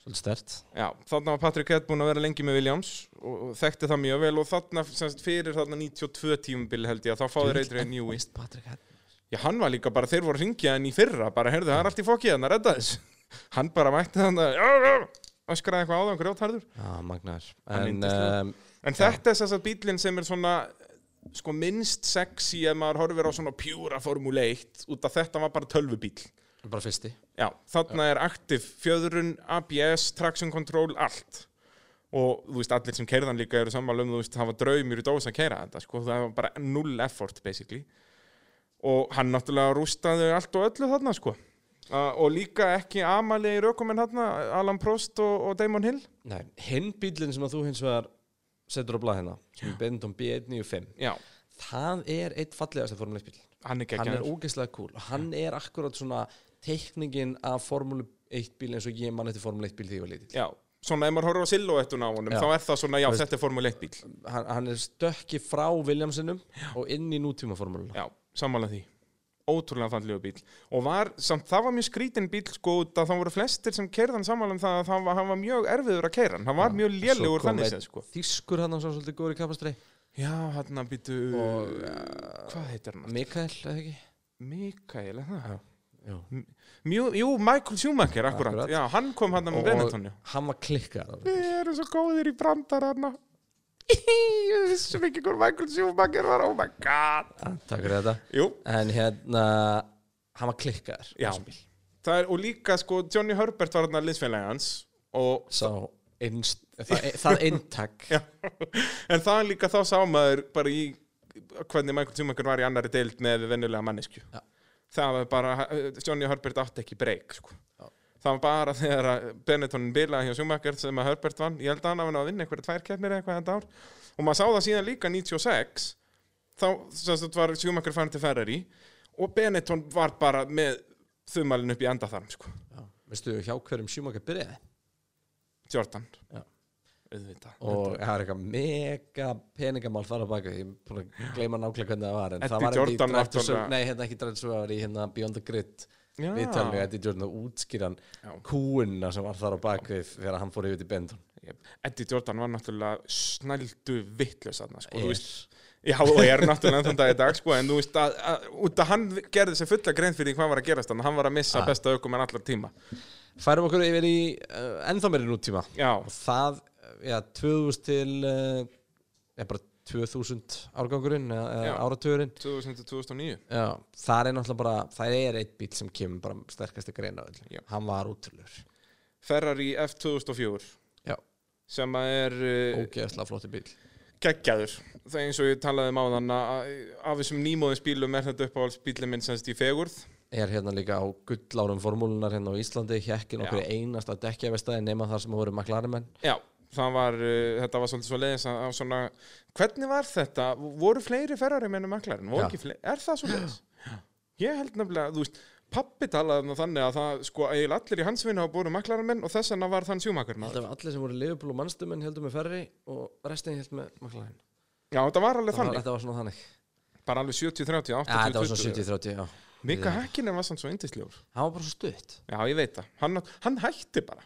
Já, hann var pappi og bara Já, hann tók misti touchið, hann Nico bara fann það Rosberg bara, já, hann bara fann það, já, það er svo leiðis. hann tók ekki Nico Rosberg Nico Rosberg tók mesta IQ move allra tíma í formúlunni Nico Rosberg var aldrei að fara að vinna aftur Nei, það er alveg rétt. hann bara hætti sem heimsmestari eftir ógeðslega langan mediocre feril, samt átt hann svo geðveikan enda, vinnur besta aukumann samtímans Jep. jafnvel besta aukumann alltaf tíma því að hann kemst á topp 10 listan alveg 100% og svo bara eftir hver er, að, hver er að dæma, hver er eftir sko og uh, á sama bíl og Það er nefnilega stóra, sko, á sama bíl. Hann vinnur hann.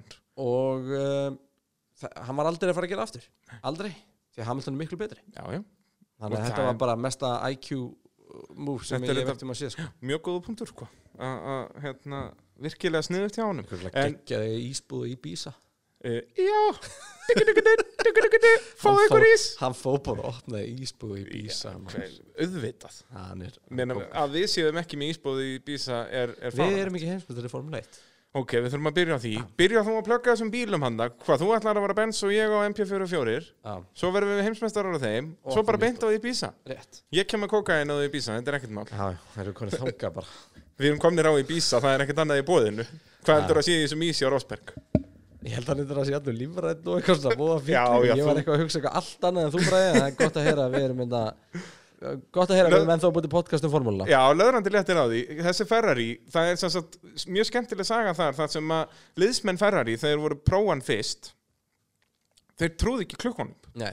Þeir Já. voru andjóks bara í hálfan dag, bara og heyrðu, ok, þetta mengar ekki sens. Út af þarna 2003 bílinn vann allt og allt og var geggjaður. Og þeir svona gerðu bara smá yfirlúsun, léttan eitthvað aðeins og breyttu veitistribúsjón og da da da da da, þú veist, ekkert stórfenglegt. Svo var bílinn bara tveimur og þreimur sekundum hraðar á Imola. Já, Og- bara make ekkert sens Meika ekkert sens og þeir voru andjóks bara, heyrðu, bara kjálf á minn, far þú í lönns, við ætlum aðeins að fara að finna út úr þessum tímatökubúnaði hérna, þetta gengur ekki alveg. Og bara kjálf var alltaf bara, nei, þessi bíl er geggjaður, þú veist, þetta er pottet rétt. Nei, nei, þú veist, það getur ekki verið, ímúlega þetta er stuttbraut, Það getur ekki verið hans í tveimur sekundum hraðar Skottast þú bara í mat Já. Við þurfum Það að finna út pasta úr þessu Já. Hakkaði því pasta og, En síðan, já, kom það bara á daginn að þessi bíl og náttúrulega dominant Já, þessi- hvernig Michael og, og Rubens voru þarna að Hvernig rústuðu allt Michael og og Rubens voru þarna, menn ekki bara hvernig Michael var þarna og Jú. Rubens eldan. Svona, jú, jú, eins og eins og þau gerðu bara Mest rúfleska heitlega verið með í liði ever Michael Schumacher maður. Wow. Bara mest rúð Hinn bílinn sem ásand sjátátt hérna er Já. klálega bronn. Jep, allan tíma það er, ég sett hann líka hann inn sko, þó að hann var bara þetta eina sísón en bara þessi 2004 var saga, líka bara eitt sko. sísón. ég segi það, þannig er náttúrulega eru bílarnir byrjar að vera bara eitt 2004 hefst að geta verið í svona 5 sísón og samt að vinna. season. nei, ég menna þeir mættu með hann 2005 í fyrstu þrjárkeppninar Það er rétt, þið voru seginu með hinn. já, en þannig var það var mjög oft á þessum tíma bara vinsa alltaf, þeir komið yfirleitt ekkert með nýjum bílar fyrir en bara í bara einn eitthvað svo leiðis Já. og þeir komið með hann 2005 og Alveg voruð í rétt, 5., alveg 7. og 7. En þá náttúrulega 2005 komu reglurnar með að þú máttir ekki skipta um dekkin í pitt og Ross Brón er margóft búin að segja það að þessi regla var einfallega búin til til að láta Ferrari hætt að vinna. Út að Ferrari voru með Bridgestone, allir hinni með Michelin og það var bara til að segja þetta upp. Ekkert ósvipað að vera að gera núna, þú veist, það er náttúrulega er ekki skemmtilegt fyrir hvaða sport sem er þegar einn er alltaf að vinna og núna er Mercedes búið að vinna Ja. ja. lengi og þá þarf að setja þetta upp með nýju reglubreitingum og þarna var sem sagt þetta og Ferrari voru líka alveg hrikalegir hann 2005 sko, náðu svo aðeins að rífa sig upp 2006 En brónin var stórkostlegt eintak og Já, bara þessi svo saga. Við þurfum eiginlega bara að taka hana sér ekkert um hann. Er það svoleiðis? Já, hún er svo löng Já. og hún er geggjuð sko. það er- það er gott sjátt, við hérna tökum söguna frá A til B bara Þá komum við inn á tíma sem að ég er mjög sterkur. Já, heyrðu, þú kannski bara tekur boltan Já, og þar, sko, þar langar mig mest til að nefna Red Bull RB9. Því ég elskaði þann bíl. Ég elskaði þann bíl. hann er líka ógeðslega flottur Paint, það er eiginlega flottasta líka paintjob sem að Red Bull hefur nokkuð tíma verið með Hann var bara geggjaður. Eh, Hann samt, þú veist, þessi litla vangir og þetta dóti er ógslag þreytir, sko. Já, Endast ekki líka vel. sko beth- á þessum tíma og brónin er líka þannig bílarnir voru- semst út af reglunum voru, voru Það þeir var ljótir einfalda sko. eins og mikið, sko. Já, Eh, og það- bara ljótir, Brónin er meira þess að þetta- ára undan, sko. Var brónin komið litla vangin? Já, Það er ekki- Bronner, sem sagt, 2009 er fyrsta Fyrsta árið þar árið sem með að litla vænginn, já. afturvængurinn er svona ógeðslega mjór Já. og, og framvængurinn Djöfull er ég feginn ógeðslega að hætta breyður. Já, þetta er alveg agalegt sko. En Red Bull RB9 Já. sturla tæki þessi Blond Diffuser náttúrulega rústaði öllu fettel upp á sitt besta þetta var klikkað og en síðan er hann náttúrulega bara Mercedes sinn Já. og þú veist, ég sé að þú setur 1207 Já, er það ekki 2016 bílinn? Líkanlega sett 1208 Þú veist, Og- þeir og voru bara alla allir bara, já, já. þessi generation á Mercedes núna En, svona til að koma með punktum það, þú veist, nú er allir öðum missindis eru langt bestur og eru búin að rústa öllu enn í mörg mörg ár.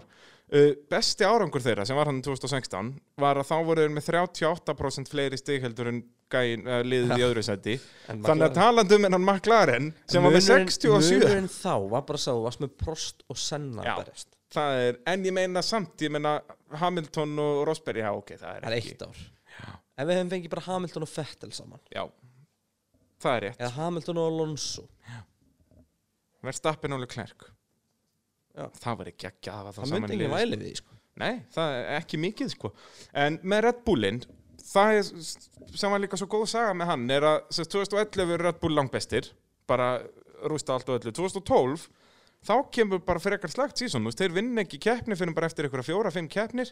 Já, og- og og Vettel Vettel svona- vinnur þetta svona outsider eiginlega Já, svona rétt næra að vinna þetta í síðustu keppni á gegn sko því Alonso er fastur og bak við uh, hann hérna, Petrov. já, nákvæmlega, já, og líka bara Alonso var, þú veist, þessi Ferrari bíl hjá Alonso var ógeðslega lélugur þú veist, Felipe Massa sem er ekkert lélugur ökumæður var, þú veist, hann var góður ef hann náði stigum, þú veist, hann var bara keppum tíundasetti þarna, meðan Alonso var í title fight, já, bara í rugglinu en alltaf réttur maður á raungum stað Algjörlega það er alveg magnað en síðan kemur 2013 þegar maður heldur að, að ok, heyrðu, þá verða hinu bara ennþá betri og Red Bull bara nær ekki að vinna í rauninni og þá rústaður þessu öllu og Vettel slær bara met eftir met eftir met vinnur nýju keppnir í röð hann vinnur í, á Spa held ég, nei á Ítalíu annarkvort Spa eða Ítalíu nei, á, jú, á Spa sem er þarna svona mitt sumar vinnur svo allar keppnir eftir það nýju keppnir í röð, vinnur allar Asíu keppninar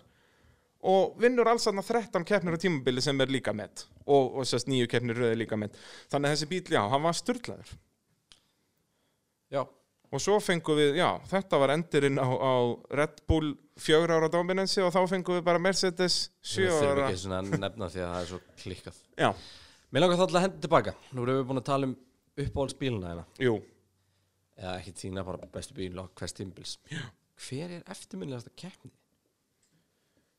Bandaríkin 2005 Dekkin Jep. Já, hún er eða þú veist, rosalega eftir, eftirminnileg. ef, ef við erum að tala um Hún eftirminnilegar er en ekki skemmtilegar Bara mómentið þegar þið kerin í pitt Já. Ég var að horfa í bitni og ég bara ég nefnilega var ekki svo heppin sko, en ég horfa á þetta á YouTube ábygglega þú veist á svona tveggja manna fresti sko. Þetta er svo ótrúlegt þetta er svo magnað sko Og bara lýsendur eru bara oh no, Þetta er bara- there are- þú veist, Þetta er þetta að gerast bara og svo bara stilla þér upp og þú veist, Gulli Röggvalds eitthvað að reyna bara að segja mér þetta sé að fara að byrja og svo bara fara að stað og já, einhver býta, varst Ferrari þú og að lýsa stinga. þessu þarna? Nei, nei, ég var að horfa að þetta er 2005, ég Já, er 16 ára sko já, ég minna legend í bransanum hvað varst að gera, þú varst þá að keppa eitthvað og Bókhaldi. veist það? já, nákvæmlega, aðal maðurinn Eh, uh, Já, magnað en þín, eftirminnilegasta Mín eftirminnilegast er Monza 2008 þegar, þegar að Fettel vinnur á Toro Rosso og það er svona, það er líka persónulegum ástæðum sko um, að sjá Ég man, tussuna á man pallinum maður. nákvæmlega Ég man, man bara nákvæmlega hver ég var því ég vaknaði sem sagt vaknaði eiginlega um miðan óttu eitthvað í bandaríkjum til að horfa á þetta ég var að leiðina á hérna líkur lífstíl var að fara, var að, fara að æfa á Sýbring já, já, bara, þú veist, ég held að ég hef verið mitt voru við ekki saman Já, þarna, ég jú, var- mig minnir ég- ég- það. ég ég sá þig þarna á var með hótelinu. Linus Paul Newman á Sýbring nei, Akkurat, Þannig nei, að- býtu, ég var hann einhvers staðar eh, ég var hvað- reyndar ekki, var reyndar ekki hvort ég var að æfa, ég var, þetta var undirbúningu fyrir þess að ég ætlaði að færa mig yfir í Champ Car Atlantics í bandaríkjunum og keira þar og var að æfa svolítið í því en hæ, og það voru svo marga tengingar sko. ég hafði sest, verið að keira fyrir, fyrir Karlin þetta ár Karlin Motorsport og uh, bara árinu áður sest, og bíllinn sem ég var að keira var bíllinn sem Fettel kefti á í Macau 2006 eh, Já, það er svoleiðis Já, sérst, F3 bílinn minn 2008 var formule 3 bílinn sem að Fettel kefti á 2006 í Macau þannig að þessi gæi var þú veist, bara einu skref og undan mér á ferlinum líku við á þessum tímapunkti og allt innum faran tækifærið og vinnur hann Líka á sko Toro Rosso og var mér að segja svo Red Bull hafði ekki unnið keppnið þarna skilur Þarna var junior liðið þeirra að vinna hafði, já, hafði bara ekki unnið neina keppni Nei, já, nei, já. aldrei, þeir unnu fyrstu keppnið og sinni þannig bara 2009 vinnur Toro Rosso sem áður hétt Minardi á Ítalíu með einhvern krakka við stýri Já, sem er ekkert eitthvað ótrúleitt í dag út í að við erum búin að horfa á Maxi Stappin og þetta allt saman skilur en þarna var þetta alltaf bara yngsti sigur allra tíma Jep. by a mile sko já, hann sló með hans Alonso um eitthvað ábygglega tvö árið eða en eitthvað sko. það meira með þessi Gæti verið eitthvað svoleiðis og hérna og þú veist þetta þannig að svona í, í minningunni ég ætla að gefa þið það að, að, að bandaríkinn 2005 eru upp þar hjá mér þeir eru klálega svona eitt af þeim fyrstu sem að mitt eftir í hug en svona allavega á persónulega velið þá er þessi eftirminnlust og ég man bara ég var á nálum allan tíman Já Og já, þe- og þetta var náttúrulega mjög áhugavert út af hvað, það ringdi í tímatökunum, það ringdi Það bara rigndi í bæði. keppni. það ringdi í bæði, já. Og það er hann setur náttúrulega hann á það sem bjóð ráspól, þetta til, sko. stingur af og, og bara Já, líka það hvernig hann bara manageði reysið, þú veist, þetta var bara ekkert flúk. fullkomið Já, já, bara, hann var bara hraðast í bílinn á bröðinni. og það var engin heppni í þessu eða neitt Nei, sko. Hann var nei, bara ekki, nei, geggjaður. þetta var ekki svona Oliver Panis í Monaco dæmi, Einmitt. skiluru. Að þetta var bara, hann var bara bestur þessa helgina í ég, ég þessum aðstæðum. held að þetta sé já, eh, svona eftirminnilegasta keppnin mín en svo svona, þú veist eftirminnilega keppnir hérna uh, svo sem ymsar sko, Já, já, sko mjög, líka, mjög eftirminnilega keppnin fyrst getið sem ég lísti fyrir stöð 2 með, með Rúnari hvernig var það? Það var 2015 örgulega Mér nú er það ekki, er ekki eldra síðan. Eða Það lengra listi, síðan, listi í 5 ár, listi í 6 ár eitthvað Nei, svoleiðis. fimm ár. Eða, sko, Og þarna var ég ekki byrjaður að lýsa sko. heldur sem sagt uh, fæ ég símtal frá Rúnari og ég komi niður í bæ sko, þegar það ringi á lögataskvöldi wow. eins og ég segi, þessi lífstíl og þetta er á menningarótt já, og ég sitt hann inn á okkur uh, satt hann á 11 wow. og komum bara vel í það sko, hafa gaman og blessaði Kristján Rúnarina já, blessaði maður, blessaði heyrðu, ég var að spá hérna, uh, smá vesen á morgun það er hérna ég var bara einn í settinu getur þú vilja að koma og, og lýsa með mér ég bara eh, já maður, já ég var líklega að tjekka það maður ef þessi- ef þetta er til einhvers staðar ég slum bara orða þessi svo að ég er svolítið rámur Það er svolítið Á spólunni. Þú, þú hérna hættir ekkert í drikkjun eftir þetta símtalið nei, ég meina menningarnótt var ekki búin sko Já, þetta sko oh, Því líkur TV personality Mættur þunnur í Rá- stúdíu já, í fyrst geti og svo, svo bara Vast oh, ekki tryggði með þetta- stór sólgleru og eitthvað að vera töff Það er eins Svo og trygg, ég ætla að það var nokkuð vaskljós allavega og ég meina, ég hef aldrei sagt rúnar þetta eins og sko því að þú veist, ég náttúrulega var bara að fá eitthvað sjens þarna og, og þú veist, þannig er ég hættur að keppa náttúrulega og eitthvað Var, þannig, sko. var það á menningarnótt eða í, í, í lýsingunni sem þú varst að fannst? Þetta hefur örugglega verið 2014 Þetta Já, hefur verið getur verið. 2014 og svo byrja ég að keppa 2000, nei, byrja ég að Að lýsa lýsa, fulltime já. 2015 Ég kem inn annað sem standir nokkur sem 2014 og, og, og tek svo við 2015 Þannig Og að, en hérna, síðan, já, af svona eftirminnilegum keppnum að þetta er náttúrulega, maður man náttúrulega eftir öllum sem skemmtilegu En sko, notabene, ég hef búin að gleyma þessu Þannig að ég fekk memory of the day á, á Facebookum daginn sem að mynda mér úr partíinu á ellöfuli og það bara, já Þetta er indislegt, svona á að lifa ha, Svona á að lifa, svona á Mæta að þunnið í lifa. sjónvarsútsendingar og ég veit ekki hvað og hvað Þetta er ekki jafn slæmt samt sko Ég reynda var ekkert þunnur þá en ég, ég hef einu sinni mætt í verra ástandi og það var hérna Eftir eiturlifa nótkun Nei, nei, nei, nei, við erum ekki þar, Bræmin Ég er alltaf að íta á hann takka Já, þú ke- þú kemst ekki þangað með mig, það getur sagt þér hérna, Þetta er ég að býtu bara Það var eh, 2014 Japan, um nótt eh, eða semst, var svolítið sent um kvöld ég fór ekki að sofa, stjarnan var nýbúin að vera Íslandsmeistari og ég hafði verið að Ah. öskra á leiknum allan daginn ég mæti svona, ég var engin rödd og að reyna þetta og sko Rúnar í hlátus kastið í hliðanum bara hvað ert að mæta hérna og ég bara með þú veist hálft apoteka af einhverjum hérna Grænu Ek- te já, bara, ég var og- með te og ég var með, þú veist, eitthvað það svona ég var með eitthvað svona hálsmóla sem var mælt með fyrir söngvara og eitthvað svona dot, og þú veist, að reyna þetta og svo bara, þú veist, þetta er ekki sjans ég bara, ég á ekki rödd." þú veist, það var bara svo ógæðslega gaman hjá okkur um daginn, sko og þú veist, ég, ég meina, ég fór ekki í partíðum kvöldið eða neitt, sko, þetta var ekki þannig Nei, nei, nei, þú veist, bara- ég viss alveg ég var að fara þú að varst lýsa, bara í ég tók þessu stúkunni, allega, skilur skilurðu. Já, já. en bara stemmingin og spenna var svo mikil að maður var ekki að hugsa um að passa upp á röddina sína Nei. sem að, en þetta er, þetta er bíó sko. Já, þetta, við þurfum að fara í arkafið og finna þetta sko. Já, ég held það Það er bæði þunnan Kristján og, og svona hásan Kristján Já, hvernig væri það? ha, við, við, Ég þarf að fara í hjólið þetta Já, leifa hlustendum að heyra smá, kannski að heyrist nú ekki mikið þarna af hása Kristjáni Það er uh, nei, þú heyrir ekki, ekki heyru bara mikið hlátuskrampan í, í rúnari Já, og sko Já Þetta var, þetta var áhugavert Þetta á bíó en sko, það svakalega var að þetta var þetta var líka rosalega lungkeppni Japankeppni, því að þetta var keppnin sem að Jules Bianchi dó Já, sem komu hérna Var, var hún rauð flöggur Já, og byrjuð aftur? Nei, og var ekki byrjað aftur sér Já, alveg rétt, já, beðið, alveg rétt já. og, og hérna En þeir náða að keira, þú veist, 70% af keppninni eða eitthvað já, og- þannig að þetta var við vorum hann að langt undir morgun Já, út að ég man eftir þessu, það var alveg bara, sérst, út að, það voru allir bara bíðandi í pittunum og ég var bygglega einn og halvan tíma. og bara af öllum skiptunum sem að ég þurfti að vera þessi gaur þá hérna ég var það ekki var það ekki 2014? Sem hann Bianchi deyr. Nei, ég held að það sé Nei, var það 2015. 2015? Ég held að það sé 15 sem hann deyr, sko. Jú, það er rétt, já, það var 2015 já, Í Það er rétt, það er rétt. regningakeppni á Suzuka. já, en 2014 var samt sko blöyt keppni ef ég man rétt og Það getur verið. já, Er það fýr upp í tölvuna að leita að þessu? nei, Jules Benzi dó 2014 nei, Það er ég- 14, já. já. já, ég var að horfa tímantíkuna, ekki Ah, keppni. já, hann deyr á 41. ring já. Þetta hann kerði undir gröfu. Þetta er svo, þetta er ljótast slið sem ég sé sko.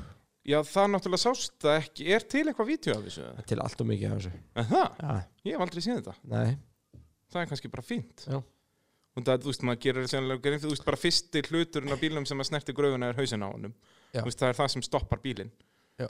og það, sérst, allt nefið á bílnum fer undir gröfuna og svo bara haus þetta er, þetta er svakalegt En þetta, þarna var ég sem sagt uh, í stjórnutreginniðin að gera gott mút Rallus Já.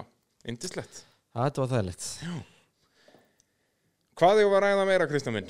Þurfum við að ræða eitthvað meira, erum við ekki bara Ég- þú orðin veist, góður í bili Ég held það sko, þú veist við Ég er með náttúrulega eitt fyrir þig Ok, Ég er með eitt fyrir þig Ég Ég, til. er með eitt um þinn upp á sögman býtu, býtu Er það tussan okkar? Ekki okkar, Nei við erum ekki á þessum vagnir saman Já, ég meina, Ég sko, hef þú alltaf varst verið í mikil fettir bílnum, maður sko. Sko, já, þú varst í bílnum, þessin er eins og tussulegt að þér Já, já. Þú varst í sætum hans hann um, Fettildin maklar Hörru, það er rétt, ég las það í dag Eh, Að, sest, ekki, Þetta er ekki staðfest Þetta eru bara einhverjir hérna, svona blaðamenn sem að leiðist í koronavirum og eru að byrja að skrifa eitthvað Leiðist nefnilega ekkert svo mikið Nei, þú veist, þetta er alveg real possibility eins og maður segir. Sérstaklega ljósið þess að Andrea Sætul er komin til McLaren sem að var já, með uh, var einn af mönnum sem kom fell inn í formuleitt Já, með BMW hann á 7. 2006 Já Vistu hvað fyrsta sem Vettel gerir á sínum Formule 1 ferli? skora stig hjá BMW Nei, nei, þetta er fyrir, þetta er fyrir það maður Þetta er bara á æfingunni Já, Hann Hvað fær, sagði hann?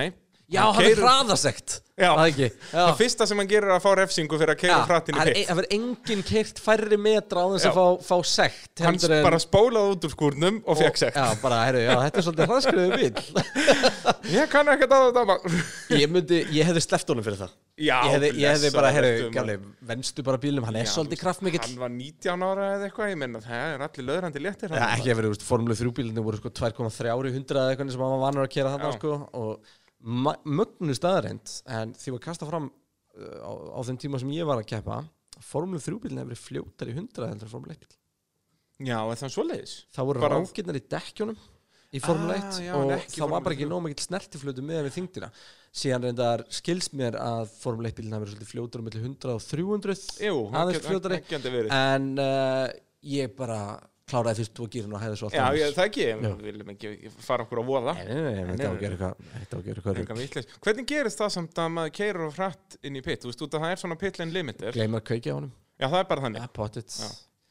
Ég veit ekki Þetta- hvernig hann var á þessum tíma Hvað þú helst eitthvað svo í leiðis inni takka á stýrinu Eða eitthvað álíka en, en Vettel, já, hann sem sagt, hefur orðaður við já, McLaren og svo sem Runo, þú veist, eitthvað af þessum svona eh, Sko neðri liðum. run og náttúrulega verður bara Ef að það er ekki art og fer Þá leita það einhverjum eins og fettil Já Og, og þú veist, heldur þetta sé að fara að gerast? Ég held, hvað ég á held bara að næsta fettil ári? verði ekki hjá Ferrari á næsta ári Út að núna er það náttúrulega svo skrítið, ef við fáum svona hálft tímabil, hvernig allir samningar eru, þú veist, út að samningarnir er alveg renna bara út 2020 Aha.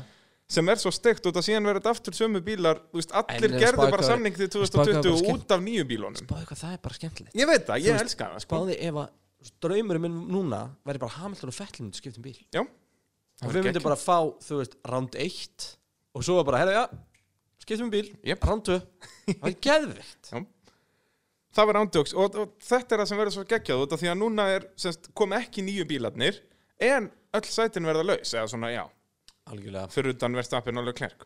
við höldum áfram með þetta næst, við getum talað endalust um formúluna eins og þið heyrið og það er svolítið það, sem við ætlum bara að gera og meðan að áhugin til staðar við vitum að þetta eru ömulegi tímar hjá ansi mörgum og okkur langar bara til þess að eh, reyna að gera sem mest af þessu þannig að endilega sendið okkur skilabóð á Facebook kommentið á eða álíka eða er eitthvað sem vilja heyra rætt um og við hjólum í það spytum hvað við fyrir að sko að fá bara góða gesti í sett og fleira og, hvernig væri það? og gera eitthvað, gera eitthvað þannig að við bóðum einhverjum hérna inn í, inn í uh, bökkurinn okkar Já, ég minna það er náttúrulega núna, formuleitt ökumenn hafa ekkert betra að gera. Það er rétt Við bara heyrum í Ég þessum. bara fyrir Hey, is hey, this Sebastian? fyrir ekstra klessi á Landon Norris í iRacing og, og Bara bara hey bing.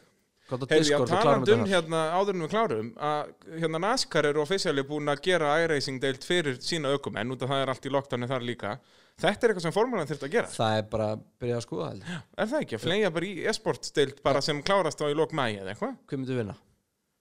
Þetta er ísi svar Hvað verðst að penni það ekki? Já, Frekar Verstappen en eitt, Norris Norris er, tvö. er, er Norris, já, er Norris lélegri? eða? að skipta upp í Young Boys og Old Boys stilt Já, það er náttúrulega, þú veist, Sebastian Vettel hann hefur bóttið aldrei snert tölvu, sko Þú veist, hann er ekki einu svona samfélagsmiðlum sko. Geta Ah, þær ekki bara að linka hermana saman? Það er líka eitt sem mér þykir veistla við hérna, simracing sem er öðruvísi við þú veist, aðra gerðir að tölvuleikjum út að þú ert geggjaður góður í Call of Duty eða CS eða eitthvað þá kannski verður geggjaður góður hermaður eða eitthvað en þarna verður átomand í stælu góður ökumæður út að þetta er það raunverulegt Já. og eins og Johnson Button var að gera núna hann er að byrja með lið í, hvað er það, GT3 kapakstri, eitthvað svo leiðis Jú, já, Og sem er þar allt fékk Gran hann Turismo bara- gæðar og eitthvað Já, og þar fekk hann bara simreiser að keppa fyrir sig Kallum en, ég hef bara sagt þið það uh, að núna fyrir nokkrum dögum Já. þá sænaði Red Bull Juniorlegið Igor Fraga Það er rétt, ég sá það líka og Igor Fraga vann Toyota Racing Series sem er sérst svona keppnisminni nýja svolítið sem að Jórs Sem er- Trúli tók einmitt þátt í fyrsta keppni sem ég keppti Nó, fór hana niður og kerði heilt tímbil til að safna einhverjum punktum sem maður ekki hægt að safna á Íslandi ah, bara fyrir licensið eða Yes. þannig, já. og hérna, og bara hafa prófað að sitja í kapparspíl uh, í keppni áður en ég var komin í Formule 3 svona fyrst ég var að hoppa yfir einhver 6 ár af öðrum bílum Já. en um, hann vann það og er núna komin í uh, Red Bull Junior programmið þannig að verið geggja að fylgjast með honum en ég held að þetta verið loka orðin okkar hérna í dag, takk fyrir að hlusta takk fyrir að fylgjast með, við viljum endilega heyra frá okkur, bara, bara við, erum, við, við mætum aftur heldur betur við erum ekki, við gefumst ekki upp og það við látum enga sótkví stoppa okkur frá því að færa ykkur eitthvað um formúluna. Takk í dag.